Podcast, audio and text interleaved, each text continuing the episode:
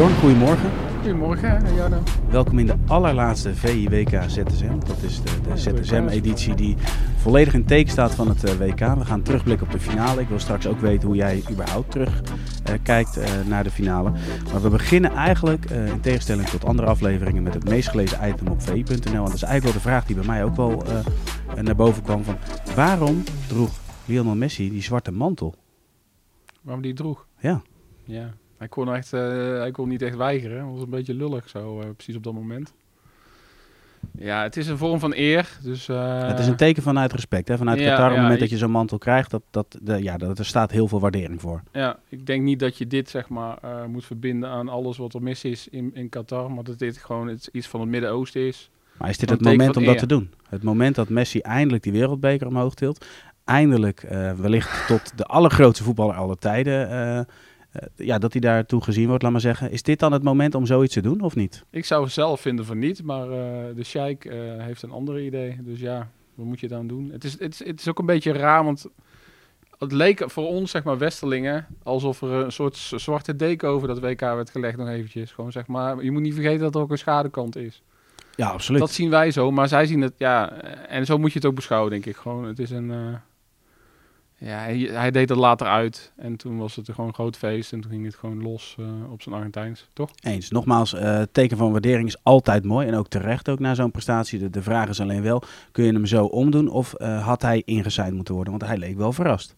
Ja, maar ja, goed. Moet je van tevoren zeggen van wat je moet gaan doen als je nou weer ja, Volgens mij met een ceremonie is dat over het algemeen wel bekend. Dat je in ieder geval weet van, nou, dit is ongeveer het programma dat, dat volgt. Ja, ik, als het mezelf was overkomen, als ik Messi was, is me niet moeilijk voor te stellen maar dan had ik wel even nagedacht. Het is wel een twijfelmomentje, denk ik. Maar ja, op dat moment is, is zo'n wereldtitel zo groot. Is, is een droom is uitgekomen, toch? Zijn hele levensdoel is uh, bereikt.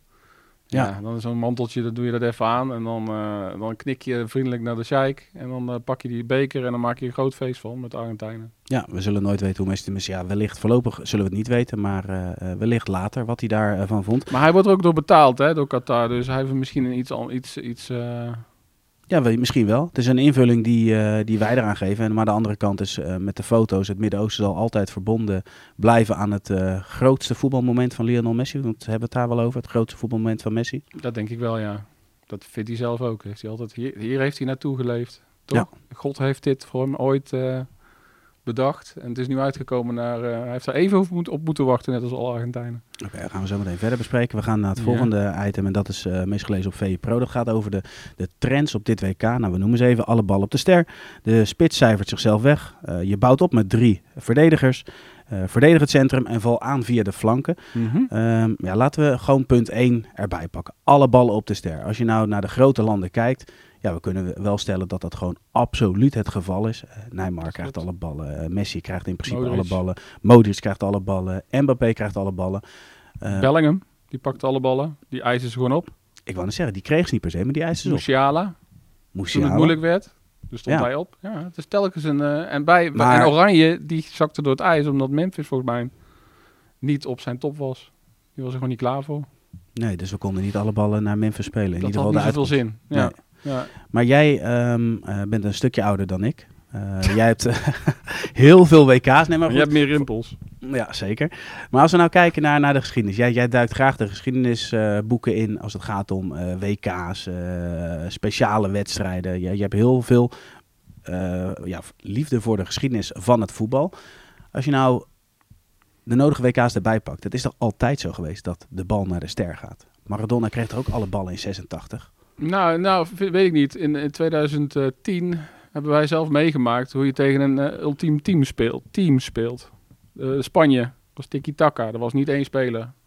Iniesta was heel nee. belangrijk. Xavi was heel belangrijk. Maar het was niet dat zij alle... Maar zochten wij in die, op, uh, tijdens dat toernooi niet heel veel naar Snijder en naar Robben? Vooral naar Snijder toen. In 2000, wij zelf, vooral vier jaar later, hè, naar Robben. Robben deed bijna alles. Het was gewoon ja. alle ballen op Robben en verder alles dichtbouwen. Ja. Of alles dichtbouwen, maar goed, wel proberen uh, daarop uh, te spelen. Ja, dat klopt. Het, en uiteindelijk, ja, um, um, misschien heeft ook, hebben, hebben landenteams gewoon minder voorbereidingstijd dan, dan clubteams. En kun je dus minder, zeg maar, een heel goed team fabriceren. Dus moet je hopen op je ster. Ja, die er toevallig is. En die er natuurlijk al lange tijd is. Dus dat, daar ben je ook gewend om, om, om de ballen altijd naar hem te spelen. En hij doet het ook vaak voor je. ja, en daar creëer je eigenlijk ook alle voorwaarden voor dus. Ja, ik denk, en zeker nu. Het is maar drie dagen voorbereidingstijd hadden ze. Eh, ehm, ehm, ja, wat moet, je, wat moet je anders doen dan als je Modric hebt? Die pak je, ja, dan speel je hem maar de bal en hopen dat hij eh, in vorm is. En dan, eh, dan, komt, dan groeit het zeg maar tijdens het toernooi wel. Maar ja, dan groeit hij natuurlijk ook. En dan blijft hij, blijf je zo manier spelen, denk ik. Ja. Ja. Maar toch als je, als je kijkt naar de trend in het algemeen bij een WK. Veel landen teren op één, twee of drie sterren. En soms heb je te maken met een absolute teamprestatie. En als je dan naar teamprestaties dit eh, WK kijkt, dan is Marokko misschien wel de teamprestatie waarbij Ja, niet ja. één iemand er specifiek uitspringt. Nee, ja, misschien wel het boegbeeld Amrabat, vind ik. Wel zeg maar, dat legt wel Mhm. de ziel bloot van dit eh, Marokkaanse elftal van eh, eh, ehm, hi- eh, tot hier en niet verder. Ja. We geven alles. En dat, die nam volgens mij ook wel heel veel andere mensen mee. En ook die Saiz, die is de centrale verdediger. Dat Ja. zijn natuurlijk wel leiders, volgens mij. Maar dat is mentaal. En, ja, en Bonu. Ja, trouwens, ik noem het, je, je zegt het zelf, ik benoem nu heel veel namen. En, En, dat dus- zijn over het dus- algemeen dus niet dienende spelers. En niet de spelers die het verschil maken met hun creativiteit. Ja, de Boufals. Nee, Ja. Ja, nee, dat klopt. duidelijk. Je We gaan helemaal eh, gelijk. Je, hebt er, je, hebt er, eh, je, hebt er- je weet er wel wat van, of niet? Een klein beetje, een klein beetje. Ik heb een bescheiden rol in deze, in deze rubriek. We gaan naar het allerbelangrijkste en dat is, eh, we gaan terugblikken op de finale. Ehm, ja, eigenlijk ja, voor mij is Messi nu officieel de beste voetballer aller tijden? Ze zeggen het, eh, iedere krant Ja, maar wat vind jij? Iedereen heeft daar zijn eigen mening. Het is niet zo dat, dat jouw mening de waarheid of mijn mening de waarheid is, maar wat vind jij? Ja, ik denk dat je, je kunt... eh, Weet je, ik keek op een bepaalde manier naar... eh, Sinds het Oranje, ik vond dat hij... Dat Messi sowieso al met zijn overstap naar Paris Saint-Germain had hij voor mij een beetje afgedaan. Van hij, eh, hij had ook zeg maar gratis voor Barcelona kunnen spelen. Als je echt hard hebt voor je, voor je, voor je club, dan blijf je gratis eh, bij Barcelona spelen. Maar toen koos hij gewoon ook voor geld, voor Qatar. En later tegen het Nederlands elftal, toen waren mensen... Ja, vond ik dat hij nogal een kleine winnaar was. Eh, heel vervelend doen tegen Van Gaal. eh, Een beetje onzin allemaal. Daar moet je het niet mee bezighouden als je de beste voetballer van de wereld zou moeten zijn. Ja, maar En- dan ga ik je iets anders eh, vragen, Bjorn. Eh, wij kunnen ons niet voorstellen hoeveel druk er op één iemand eh, ja, ligt, laat maar zeggen. En dat is in dit geval toch ook zo. Er zit zoveel druk op Messi. Dat is, dat is volgens mij voor niemand te bevatten, voor niemand te beschrijven. En je kunt je er nog geen klein beeld van maken van wat dat met een mens doet. Nee, dat klopt, dat klopt, dat klopt. En, eh, maar op zo'n moment, ik ben natuurlijk ook een voetballiefhebber. en ik ben voor Oranje. En dan vind ik hem echt een lul. Ja, de sympathie is een beetje weg. De sympathie is dan weg. Maar dan zie je hem in de tweede, in de, in de halve finale, dat, dat ene moment met Guardiol. Guardiol die de beste voetbal, de verdediger van de wereld wil gaan worden. En misschien al een van de beste is. Ja. En dan die finale en dan dat het verhaal helemaal rond is. En dat ook op, in die finale proberen ze zeg maar alles op alle manieren te winnen. Maar ja, dan denk je van ja, dit is wel het verhaal van Messi. Je, dit- eh, als jij van voetbal houdt, kun je niet anders dan van Messi, van, van Messi houden. Nee. Ook al, al eh, heeft hij alle vervelende zaken eromheen. Het is Nou, gewoon zo'n fantastische... zaken, dit het is valt wel mee, ja. precies, nu maar is- even... Ik, ja. ik zit nog in de, in zijn de verloren kwartfinale. Ja. We zijn het ook nog niet van hem gewend. Misschien is dat het ook wel. Dat het altijd zo'n rustige, sympathieke jongen. Maar aan de andere kant, gisteren kwamen er ook allerlei... eh, De, de vergelijking met Maradona komt dan weer voorbij. Maar dan zie je eh, iemand die, die aan de druk zit, die vreemd gaat. Die de meest gekke dingen doen. Ten opzichte van een jongen die zijn jeugdliefde nog steeds koestert. eh, die gelukkig is, die is vooral wel een mooie plezier jeugdliefde. ma- Ja, absoluut, zeker weten. Die vooral plezier heeft met zijn kinderen. Maar eigenlijk gewoon, lullig gezegd, klopt. een beetje een saai je voetballer is. Maar Als je misschien moet hij- met Maradona. Ja, maar misschien moest hij nu ook gewoon... eh, is hij eerder die boef niet geweest voor Argentinië? Dat hij nu zeg maar... Dat hij echt alles op alles... Alles erbij moet halen om te kunnen winnen, zo'n WK. Want Ja. dat is echt het allerhoogste. Maar dan zien we Hij eindelijk was een een beetje, beetje een boef. randjes. Ja, een rauw randje. Ja, dat Is klopt. dat ook leuk? Jawel, Maar jawel, maar ik kan hem ook weer waarderen. Want ja, als je daar zo zit en je hoort die commentator zo van goal en huilend en je ziet al die Argentijnen. Ja, dan denk je van, ik ben een aantal keer in Argentinië geweest. Ik weet hoe ongelooflijk dat leeft daar. Ja, dat is echt, dan krijg ik heel het kippenvel en dan ben ik gewoon helemaal weer verliefd op, Ma- op Messi. Oké, maar tot slot de vraag. Is hij eh, voor jou nu de beste voetballer aller tijden? Nou, het is af. Het verhaal is, eh, heeft het eh, happy end. Oké. Nu moet hij, wat moet hij nu nog doen? Ja, Nou ja, in ieder geval stoppen bij Argentinië. Ja en bij, bij Paris Saint-Germain even Mbappé er weer bij eh, pakken. Van, eh, kom op jongen. Precies. Je kunt best wel wat. Precies. Dan, de- dan de finale zelf. Hè? Want, want eh, men spreekt over eh, misschien wel de beste WK-finale ooit. Als je naar de eerste helft kijkt, maakt Argentinië enorm veel indruk. En vooral de, de middenvelders, de Paul en uh, Fernandes, continu aanspeelbaar. Goede oplossingen, fel in het doordekken. Gewoon dat Argentinië was heer en meester de eerste helft. Ja. Wil ook gelijk zeggen dat het niet een hele sprankelende eerste helft was. 2-0. Argentinië was duidelijk de bovenliggende partij. Niets leek de wereldtitel in de weg te zitten. En dan is het ineens minuut 80. En vanaf dat moment is het misschien wel de meest krankzinnige, spannendste en misschien wel de beste finale ooit geweest. Ik vind dat je het heel goed beschrijft, uh, Jarno. Ja, maar nogmaals, jij bent een historicus een beetje. Dus nou ja, ik was zelf zo, ik was thuis en zeg maar de, de finale begint om, om vier uur uh, s middags. En dat is niet ideaal als je een kind hebt die honger hebt, uh, anderhalf jaar. En ik werd steeds meer, zeg maar, mijn aandacht werd steeds meer getrokken naar het gejengel van mijn kind. maar toen was het minuut 80 en toen uh, heb ik hem helemaal niet meer horen jengelen. Toen heb ik hem even zeg maar aan mijn moeder, als een moeder uh, gelaten. Want ja, toen, dan zit je op het puntje van je stoel. Ja, daarvoor had Frankrijk nul doel geschoten. Volgens mij de eerste schot is van Mbappé en die schoot hij ver over. Maar dat was even... Eh, ze, ze kunnen nog een keer uithalen. Ja, ze waren helemaal niet bij. Dembele, ik weet, ik weet niet wat hij aan het doen was. Zo'n bijzondere jongen, die heeft zoveel talent. Maar hij was gewoon helemaal ja. in de war van de druk waarschijnlijk, denk ik. Ja, wat vond je van die wissel eigenlijk? Nou, achteraf wel een goede wissel. had, je niet, had het niet ook in de rust gedaan kunnen worden? Nee, want volgens mij krijg je ook wel een, een soort van... Uh, uh, hij wil ze wakker schudden, hardhandig. Okay. en Giroud vind ik, die kon er natuurlijk niet zo heel veel aan doen. Want ja, wat moet hij nou doen als hij, als hij nooit een bal in de buurt krijgt? Dat is gewoon een spits die wacht op, op ballen. Ja. En Dembele, ja, die veroorzaakt een penalty. Ja, die was gewoon, daar, daar, had je gewoon helemaal niks aan. Die liepen gewoon alleen maar in de weg. Je kon niet eens een bal over twee meter terugkaatsen. Het was, het was ook een beetje wat uh, Pieter had voorspeld. We, uh, we zaten hier gisterochtend, gingen vooruitblikken op de WK-finale. Dat eigenlijk een, een spits als Giroud, dat is heerlijk voor Otamendi en, en voor Romero. Die kunnen gewoon lekker kleunen, duel spelen. En nu kwam er ineens ja, drie hele snelle, bewegelijke jongens voorin. Ja, er ontstond wel gelijk een Ja, ze waren chaos. Ja, ja, ja. En dan een anderhalve minuut. En dan, dat vind ik wel heel erg knap van Argentinië, dat ze dan ze worden echt maar neergeslagen, krijgen acht seconden, maar bij zeven of acht tellen krijg je. Ja. Of nee, dat is rust. Als je tien tellen, dan ben je uit. Hè? Volgens mij tot negen en toen stonden ze weer op.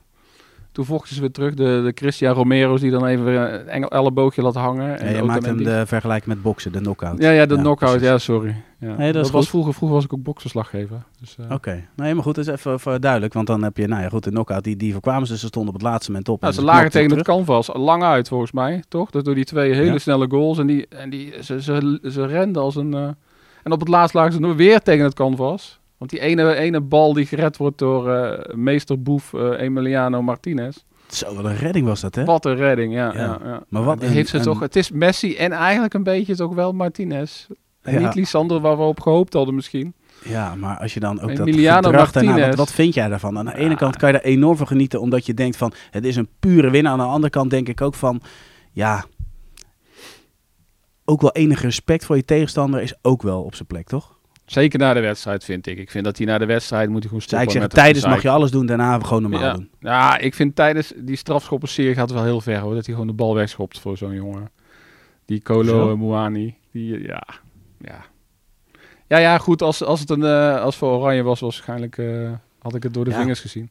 Ik wou zeggen, als uh, Tim Krul het destijds gedaan had, dan hadden we dat allemaal mooi gevonden. Of als Noppert dat dit seizoen had gedaan, of dit jaar had gedaan, dan hadden we het misschien wel mooi gevonden. Ik ben altijd wel een beetje een soort ridder. Oké, nou ja, daar kijken we naar. Maar nee, maar ja, goed. Ik denk dat je een beetje, een beetje of veel boef moet zijn om zo'n WK te kunnen winnen. Je moet gewoon iets, uh, ja, je moet het gewoon niet over je heen laten lopen. Je moet alles nee. uithalen en alles haal je het gewoon niet. Terug naar de geschiedenis van het uh, wereldkampioenschap. Uh, is dit de beste finale die je ooit hebt gezien? Ik heb het even net uh, doorgenomen met uh, uh, collega veertiger en collega bij VI, Tim Vos. Duikt ook graag de geschiedenisboek Ook graag, ja. En we hebben samen alles doorgelopen. En zeg maar, ja, de tijd van Hongarije met Poeskas. Kijk, dat was ook een leuke finale, maar daar weten we natuurlijk allemaal, hebben we nooit iets, echt iets van gezien. En, maar in de, in de tijd van kleurentelevisie is het gewoon, dit is het, ja, vanaf minuut 80 wat je zegt, is, is er nooit zoiets vertoond. In nee. de finale. Nee, in alles. Hè? Met de heldendom van, van de twee ja. grote sterren, spanning. En dat je dan verliest met een hat-trick. En dan bijna die actie nog van, van Mbappé. Dat hij gewoon echt langs de achterlijn... Ja. Dat hij, ja, dat is echt... Die jongen die is echt ongelooflijk. Ja. Die wordt er niet beste voetballer van, van de wereld. Die wordt niet beste voetballer van het WK. Maar ja, dat is hij eigenlijk gedeeld, hè. Hij is uh, echt niet ja. minder dan Messi. Nou ja, uiteindelijk is Messi de winnaar. Dus en, uh, ja, dat klopt. Uh, om die reden met recht de beste speler van het toernooi. En vijf um, penalties, terwijl Frankrijk nul penalties had. Dat zullen weer de critici Had, hè? Gekregen. Ja, maar goed, tijdens de wedstrijd, ja, ja, tijdens klopt, de finale het ook weer twee. Dat klopt, Dus ik geloof daar niet in, uh, Bjorn. maar um, laten we eens teruggaan naar, en dat is de allerlaatste vraag, het WK in de winter. Er was natuurlijk vooraf veel om te doen. Um, laten we uh, vooral kijken naar uh, de timing. WK in de winter, vind jij het wel of geen succes? ik vind het geen succes. In ieder geval als ik naar het westen kijk. Kijk, de Argentijnen waren daar met grote hoeveelheden.